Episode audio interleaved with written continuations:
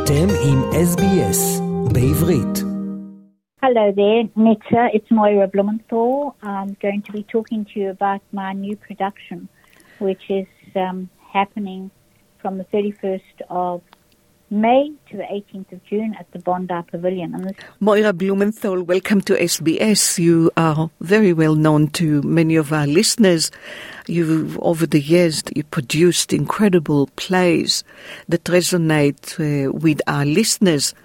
And um, you were just mentioning your latest play. First of all, let's start with the name of the play and tell us what is the story behind.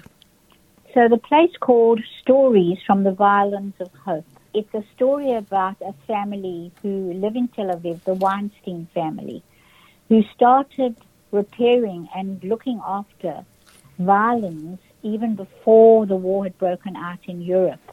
The story starts with the man Huberman. I don't know if you know uh, Bronislav Huberman, which who was a virtuoso violinist in Europe, and he was aware of what was happening to the Jews in the orchestras under the beginning of Hitler's atrocities. They were all being fired. Huberman decided that he was going to open a Palestine orchestra, which has now become the Israeli Symphonic.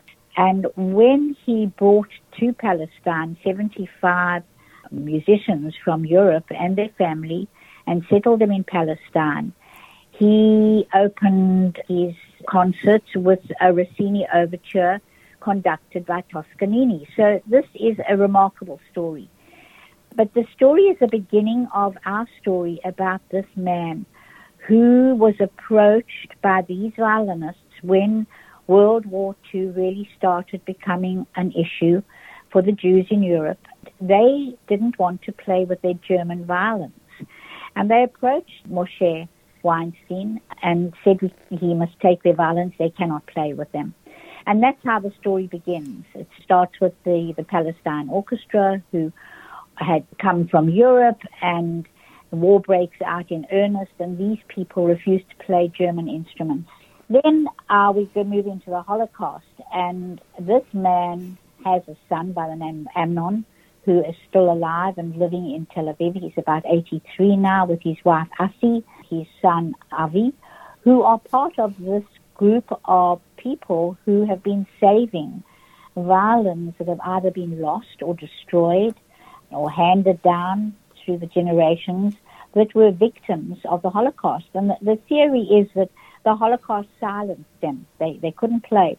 But these extraordinary family, an extraordinary family of violin makers decide to bring their voices back to life and to the world. And by hearing their voices again, we're honoring the people who have died and have lost their voices. That's the theory behind it. The, the play, as I say, has the thread of the Weinstein family and how they went about looking after these violins and receiving them in their home. Then we hear many of the stories which were attached to some of these violins, and it's very moving. We go from a woman from Amsterdam. A lot of them non-Jewish people who, who saved instruments, like the woman from Amsterdam, the violin of her family who were taken off to Warsaw. Warsaw concentration camp, and their family say to her, "Look after it until we come back." And of course, they don't. She brings a violin to Amnon Weinstein, and it becomes part of this collection. The collection is called the Violins of Hope. We've got another story about a French railroad worker, a very moving story, where a violin was passed through a cattle car window by a group of Jews who were off to another concentration camp, and the man says, I don't need this where I'm going, please look after it. That we've got stories about the partisans, the Bielski family, who were in the forests, as you know, and a young man, Moshe, who was a young partisan who played the violin in a, a German bar, uh, which was converted into a Nazi bar, and he was asked to play in the bar until he actually blew it up with stuff that he had pushed into a crack in the wall, gunpowder. So we've got these wonderful stories, and Amnon Weinstein is looking after, he's repairing these violins and keeping them stored in his attic. We're talking to Moira Blumenthal, and you're listening to SBS Shalom Australia with Nitza Lowenstein. We're talking to Moira about her latest play, Stories from the violins of hope. It is a very, very moving story. And by the way, Huberman is very well known in Israel because uh, where Habima Square is, they call it Huberman Square and the Philharmonic Orchestra building is named after Huberman. So it is not strange to Israelis to hear the name Huberman. He, he saved many Jewish musicians from the Nazis when he established the Israeli Philharmonic Orchestra that is very successful until today. Moira, how do you turn a story like that into a play? And who is uh, in the play?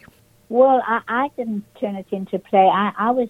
Uh, it was brought to my attention 2020 by Judy Campbell, who's Jewish arts from the North Shore, and she brought a um, YouTube segment to me, which was a presentation. It wasn't a play. It was a YouTube presentation of the violins of hope. And I said, Judy, this is an amazing story, but it's not a play. It needs to be scripted. So she went back to the people in LA who have originated the development of the stories of the violins, gave it to a group called the Braid Theatre in LA, a lady called Ronda Spinak and a writer, Lisa Rosenbaum. And over two to three years, I think we're two and a half years now, we've been working together to develop a play around the Weinsteins and their collection of violins and how eventually these violins are now being played around the world by some of the greatest violinists and the greatest orchestras. So the voices are now again being heard. So can you please tell us where and when? So at the beautiful newly renovated Bondi Pavilion Theatre along uh, there on the beach, the premiere of the violins, the stories of the violins of hope have come to Bondi on the beach. It's quite a crew coup for all of us. And we open on the 31st of May and run till the 1st of June. We've got um, performances in the evening and morning and some matinees on the Sundays. Moira Blumenthal, good luck with your latest play, Stories from the Violins of Hope. And thank you so much. רוצים לשמוע עוד סיפורים? האזינו דרך האפל פודקאסט, גוגל פודקאסט, ספוטיפיי, או בכל מקום אחר בו ניתן להאזין לפודקאסטים.